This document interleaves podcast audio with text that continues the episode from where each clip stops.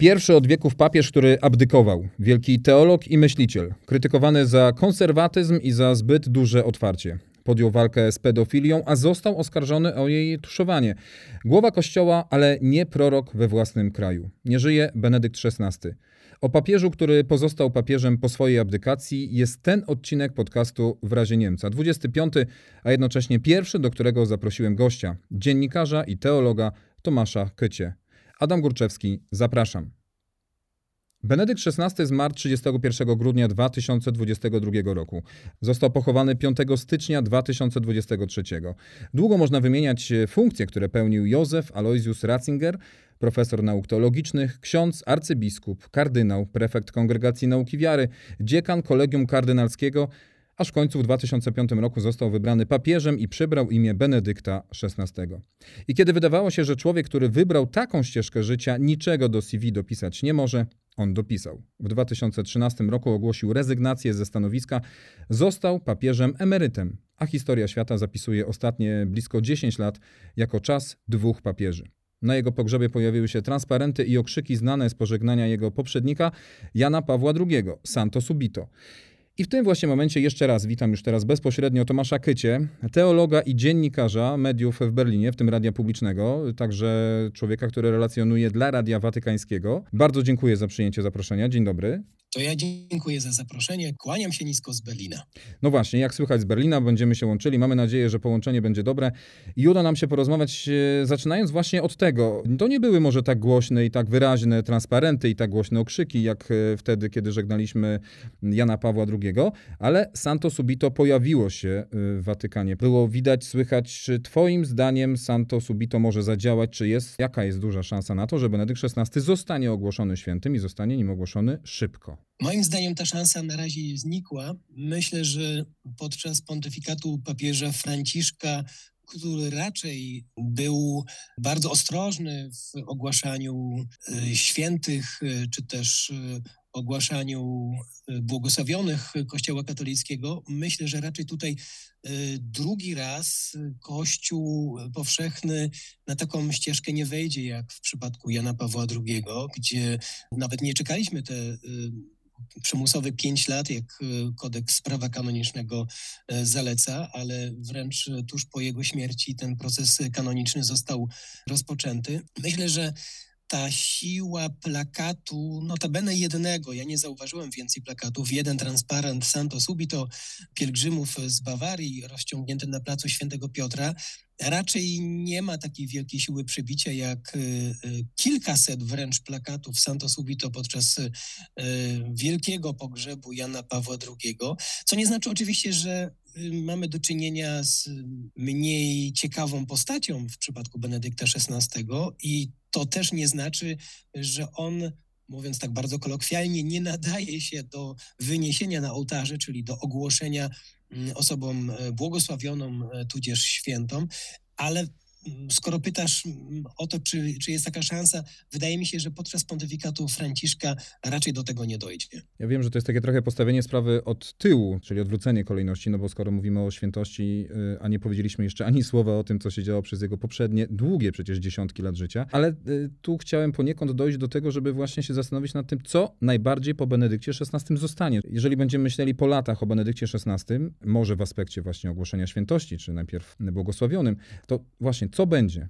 Pomyślimy o Benedykcie XVI za lat 10, 30, za lat 50 i co dzisiaj oczywiście na świeżo, Twoim zdaniem, po Benedykcie XVI przede wszystkim zostanie? No mówiąc uszczypliwie, na przykład y, część opinii publicznej w Niemczech mówi, że pozostanie po nim y, jego ustąpienie y, ze stolicy Piotrowej w 2013 roku. Moim zdaniem pozostanie po Benedykcie XVI, tudzież Józefie Ratzingerze, to, y, czego oczekują określone środowiska. Czyli już tłumaczę, żeby nie było to zbyt zawiłe.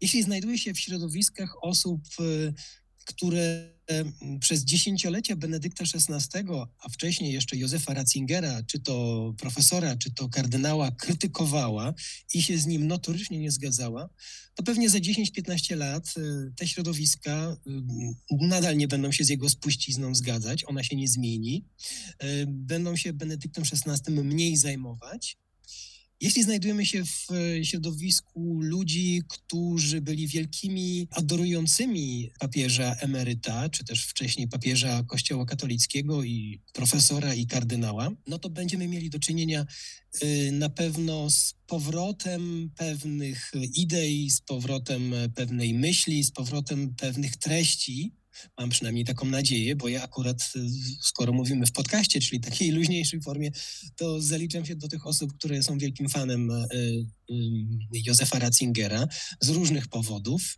mm, i mam nadzieję, że za 10-15 lat, nie tylko w Niemczech, ale na całym świecie, będziemy bardziej rozczytywać w jego myśli, ale też będziemy mogli dostrzegać, że była to postać, która naprawdę w swojej prostocie, w swojej skromności i cichości naprawdę wskazywała na to, co najważniejsze, albo wręcz na tego, który jest najważniejszy.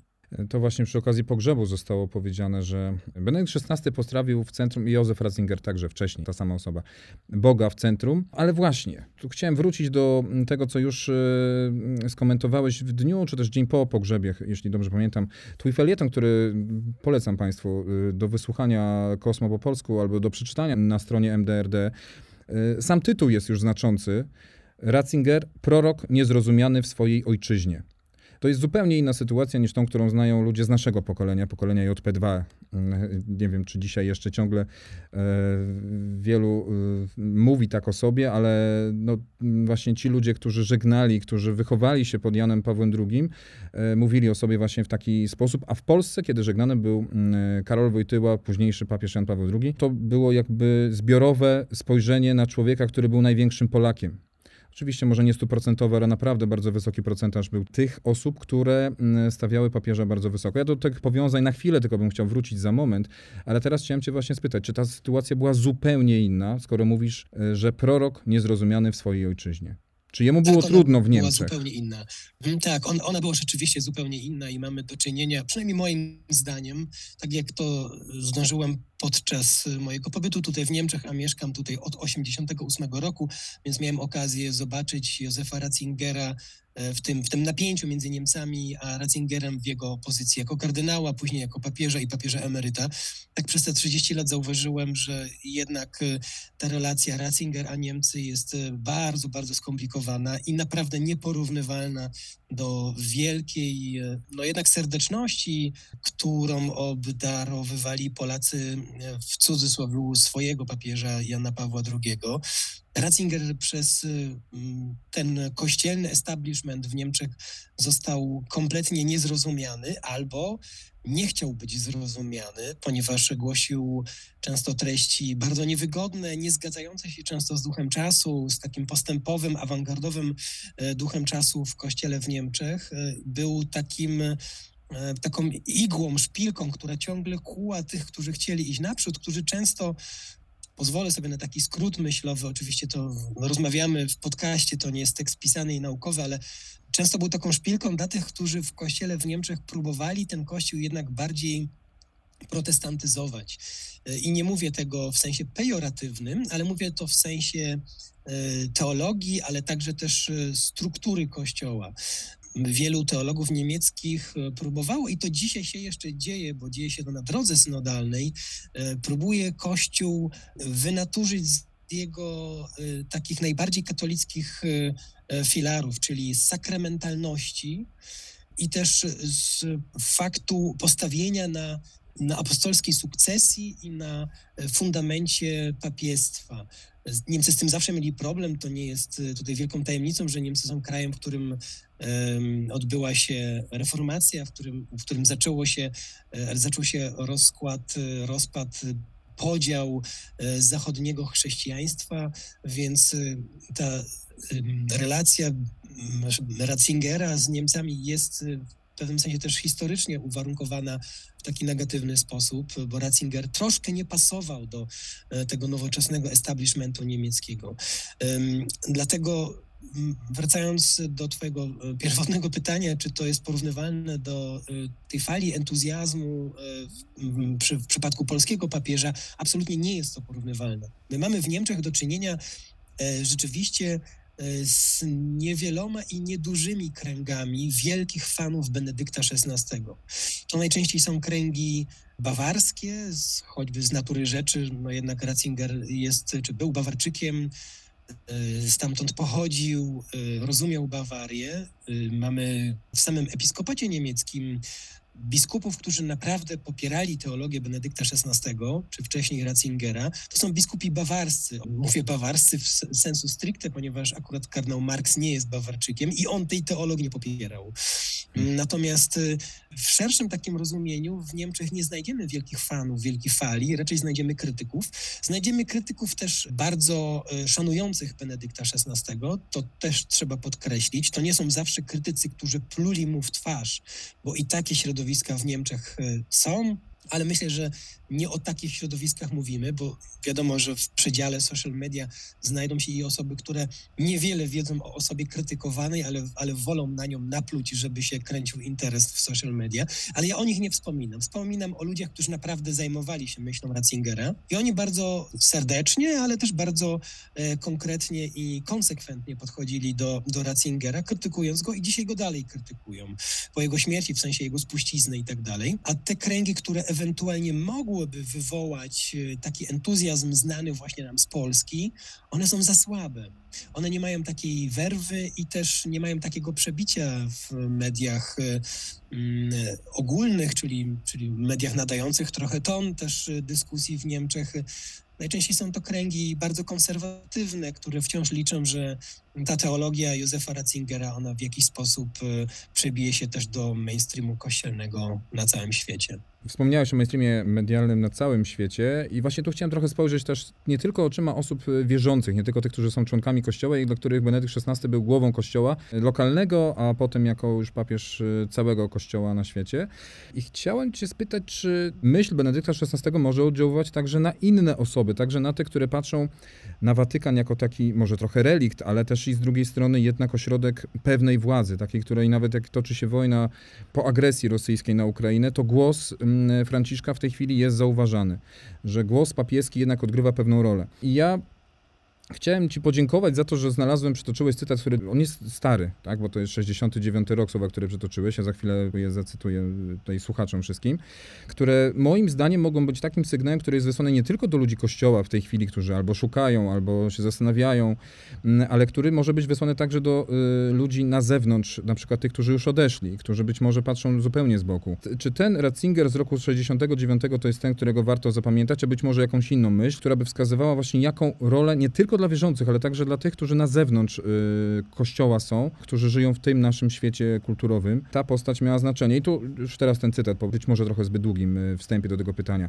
Z dzisiejszego kryzysu wyłoni się Kościół, który straci wiele. Stanie się nieliczny i będzie musiał rozpocząć na nowo, mniej więcej od początków. Nie będzie już więcej w stanie mieszkać w budynkach, które zbudował w czasach dostatku. Wraz ze zmniejszeniem się liczby swoich wiernych, utraci także większą część przywilejów społecznych. Rozpocznie na nowo od małych grup, od ruchów i od mniejszości, które na nowo y, postawią wiarę w centrum doświadczenia. Będzie kościołem bardziej duchowym, który nie przypisze sobie mandatu politycznego, flirtując raz z lewicą, a raz prawicą. Będzie ubogi i stanie się kościołem ubogich. Wtedy ludzie zobaczą tą małą trzutkę wierzących jako coś kompletnie nowego, odkryją ją jako nadzieję dla nich, odpowiedź, której zawsze w tajemnicy szukali. Ja to zawsze przytaczałem, nie mając y, czasami pod ręką tego całego drugiego cytatu. Benedykt przewiduje, że Kościół obecnie toczony kryzysem wtedy, i tutaj jest już pytanie do, do ciebie, czy to jest ten sam kryzys i czy nadal ta diagnoza tego, że odrzucone zostanie bogactwo, budynki, wszystko to, co Kościół gromadził, żeby wrócić do takiego kościoła pierwotnego trochę i czy to jest też sygnał wysłany nie tylko właśnie do wierzących, ale też do ludzi na zewnątrz, że Kościół może być tym prawdziwym, zgromadzonym wokół, wokół nauki Chrystusa, tej sprzed dwóch tysięcy lat? Moim zdaniem absolutnie tak. Ja bym nawet poszedł jeszcze rok wcześniej przed tym cytatem, który e, tutaj przytoczyłeś, notabene z jego przemowy jako profesora teologii w Hessische Rundfunk e, w radiu niemieckim. Mm, e, ja bym jeszcze przytoczył inną pozycję, o której też wspominałem ostatnio publicznie, mianowicie o jego książkę Wprowadzenie w chrześcijaństwo, Die Einführung in das Christentum, którą napisał w 1968 roku, a którą akurat tak się złożyło. Przeglądałem w ostatnim półroczu tę książkę. Ona jest niesamowicie dzisiaj wciąż aktualna. To jest niesamowicie bardzo ciekawy dialog, zaproszenie do rozmowy o chrześcijaństwie, o sprawach dzisiaj wciąż ważnych, wręcz podstawowych, o istocie, o bycie, o tym, co nas napędza, również dla tych, którzy nie wierzą w Boga. Ale to jest bardzo ciekawe zaproszenie do rozmowy o chrześcijaństwie dla tych, którzy właśnie z tym chrześcijaństwem no, no nie mają nic wspólnego i y, jeśli chcemy dzisiaj o tym rozmawiać, to powinniśmy przynajmniej być na tyle szczerzy, żeby po takie pozycje sięgać niezależnie od tego, czy nam się podoba, że napisał je Józef Ratzinger, czy kto inny, bo jeśli ktoś oczywiście ma awersję do samego nazwiska i Ratzingera po prostu nie chce czytać, no to będzie miał z tym problem. Natomiast moim zdaniem właśnie Ratzinger jest taką osobą i będzie, e, jego spuścizna będzie takim zaproszeniem dla tych, którzy e, z Kościołem katolickim, a wręcz może nawet z chrześcijaństwem byli zawsze na bakier, żeby się z tym zapoznać. O co nam w tej religii chodzi? E, czego my szukamy, dokąd my zmierzamy. I tutaj y, przechodzę do tej twojej pierwotnie zacytowanej y, myśli Ratzingera z 69 roku o tym, że Kościół będzie małą trzutką. Moim zdaniem to się już dzieje w różnych krajach na świecie, gdzie Kościół zaczyna tracić swój blichtr, zaczyna tracić swoją polityczną władzę, gdzie przestaje być coraz mniej instytucją, a zaczyna być coraz bardziej i wreszcie bym powiedział wspólnotą wierzących, a nie instytucją, e, która ma władzę w społeczeństwie. Mam taką nadzieję, ja widzę to, że tak się dzieje w Niemczech, chociaż tutaj jeszcze bardzo, bardzo czekamy na to, aby to e, bardzo konsekwentnie się stało. Niestety wciąż jeszcze nie możemy się tego doczekać. Mam taką nadzieję, że tak będzie też w Polsce, gdzie mm, Kościół będziemy postrzegać przede wszystkim jako wspólnotę ludzi wierzących, szukających tego absolutu, szukających Jezusa Chrystusa, który jest e, w jego centrum, który ten Kościół e, założył. E, dlatego paradoksalnie Ratzinger, który jest uważany za takiego bardzo konserwatywnego teologa, wręcz betonowego teologa, który nie potrafi dogadać się ze światem, jest dokładnie odwrotnie. To jest taka czerwona nić, która przez całą jego działalność jako teologa i później również jako papieża się przewija. To jest człowiek, który nawiązuje dialog ze światem, tylko w jakiś dziwny sposób nie wszystkie kręgi ludzi myślących, rozmawiających z nim nie chciały z nim tego dialogu nawiązać, ponieważ to jest moja opinia, być może można z nią także polemizować, ponieważ on mówił rzeczy niewygodne, ponieważ nie udawał, że mówi o jakichś ideologiach, konstruktach, e, filozofiach, tylko mówił, że mówi o Bogu konkretnym, o osobie, którą kocha i do której zmierza. Zresztą jego ostatnie słowa e, na łożu śmierci były Signore amo, Panie, kocham Cię, czyli pokazał, że to jest to centrum, wokół którego on całe swoje życie zbudował. Nie wokół teologii, nie wokół filozofii, ale zbudował je w stronę konkretnej osoby. Pamiętam rok 2011 i zastanawiam się, czy to, o czym mówisz, co dla niego było ważne, czy to trafiało rzeczywiście do świata. 2011 rok, wrzesień, kiedy przyjechał do swojej ojczyzny, żeby ją odwiedzić i kiedy oprócz tych tłumów, które się z nim e, spotykały w różnych miejscach, e, były także protesty na początku był w ogóle przewidywany zakaz, żeby one się w ogóle nie odbyły. No, nie da się zupełnie tego powstrzymać, ale pamiętam, że organizatorzy mówili, że gromadzą między sobą i lewicowców, i zawiedzonych katolików, i anarchistów, i mniejszości seksualne. I tam były wymieniane no, długa lista zarzutów wobec Józefa Ratzingera, już przejeżdżającego właśnie jako Benedykt XVI, e, od ofer seksualnych w szkołach kościelnych, przez zakaz używania prezerwatyw, dyskryminacja kobiet, brak akceptacji dla homoseksualistów. To akurat, co wymieniłem przed chwilą, trochę się zbiega chyba do takiego mm, określenia, które był wobec niego używany, czyli pancerny, bezduszny kardynał. Czy Twoim zdaniem to, co Ty mówisz, co jemu przyświecało, co on chciał przekazać, co było dla niego najważniejsze, czy to się przebiło? Czy to im dłużej trwał jego pontyfikat i potem ta jego emerytura, kiedy można było spokojnie podchodzić do tego, co on głosił, czy to rzeczywiście trafiało do ludzi? Czy byli tacy, którzy mogli zostać przekonani jego tak długofalowym e, działaniem? Jeśli koncentrujemy się w tej chwili, bo zacytowałeś jego pobyt w 2011 roku w Niemczech, jeśli tak. koncentrujemy się na, ter na terytorium Niemiec, to moim zdaniem nie. To jednak jego myśl nie zakiełkowała tutaj w Niemczech. To znaczy nie na taką skalę, jaką byśmy się spodziewali, albo no, jaki on by chciał, jaki on sobie by życzył.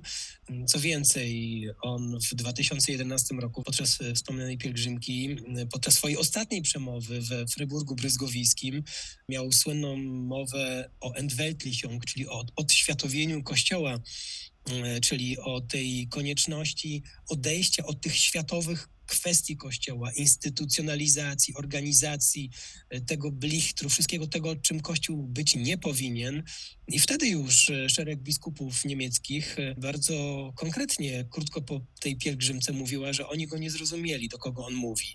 Wtedy pamiętam, kardynał Meissner żartował sobie troszkę uszczypliwie, że jeśli niemiecki papież w Niemczech do niemieckich biskupów po niemiecku mówi takie rzeczy, to na pewno ma na myśli biskupów z No chodziło o to, że no jak można nie zrozumieć tego papieża? Przecież on do was mówi, do was, biskupów niemieckich. To tutaj chodzi o to, żeby rozwalić ten blichtr Kościoła, odejść od tego y, wszystkiego, czym Kościół nie powinien być i, i stać się wreszcie tylko i wyłącznie wspólnotą wierzących. Ale on został tutaj niezrozumiany. Pewnie będziemy się jeszcze długo tym zajmować, dlaczego on w Niemczech nie został zrozumiany, y, albo dlaczego nie chciał być zrozumiany. To na razie są tylko takie moje dywagacje i mm, pewnie inni też mają na to jakieś odpowiedzi ale to się Ratzingerowi ewidentnie w Niemczech nie udało. E, taka, pozwolę na taką krótką anegdotę z mojego własnego świata teologiczno-medialnego. Pamiętam, kiedy przygotowywałem na początku nowego tysiąclecia, rok 2001,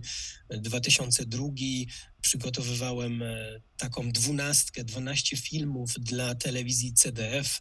Pracowałem wtedy dla mm, korespondenta CDF-u w Rzymie i dano mi za zadanie mm, przygotowanie filmów o dwunastu kardynałach papabile, którzy ewentualnie mogliby być wybrani na stolicę Piotrową, bo wtedy w 2002 roku czuliśmy wszyscy, że Jan Paweł II odchodzi, a wiadomo w mediach takie filmy przygotowywuje się wcześniej, nie robi się w momencie śmierci e, konkretnej osoby. No nie, i nie dla wszystkich bardzo... jest to oczywiste, ale tak rzeczywiście się dzieje ale tak rzeczywiście się dzieje. No tak, przygotowujemy te rzeczy wcześniej, żeby Państwo w momencie śmierci danej osoby mogli y, y, jakiś film o niej zobaczyć, a przecież wiadomo, że w tym momencie nie można dopiero tego filmu kręcić.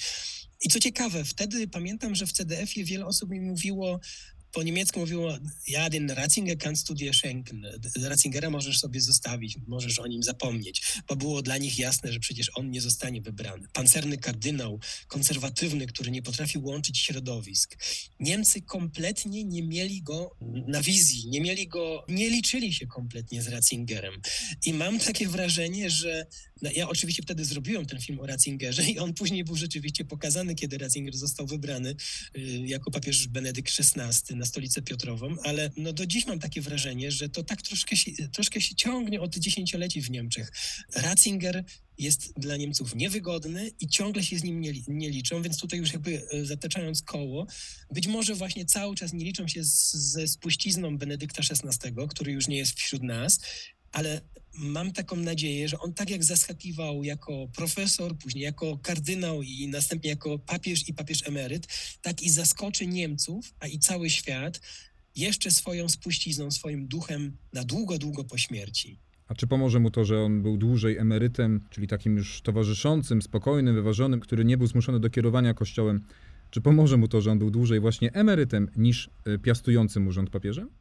No tutaj w Niemczech pojawiają się takie głosy krytyczne, że e, podczas bycia emerytem mógł skorzystać z tego, by właśnie dłużej milczeć, ale to oczywiście są uszczypliwe głosy, ponieważ on podczas swojej papieskiej emerytury był bardzo twórczy, mm, więc myślę, że część tej twórczości będzie też na nowo rozczytywana teraz po jego śmierci. Ja nie wiem do końca, czy to ma jakiś wpływ na to.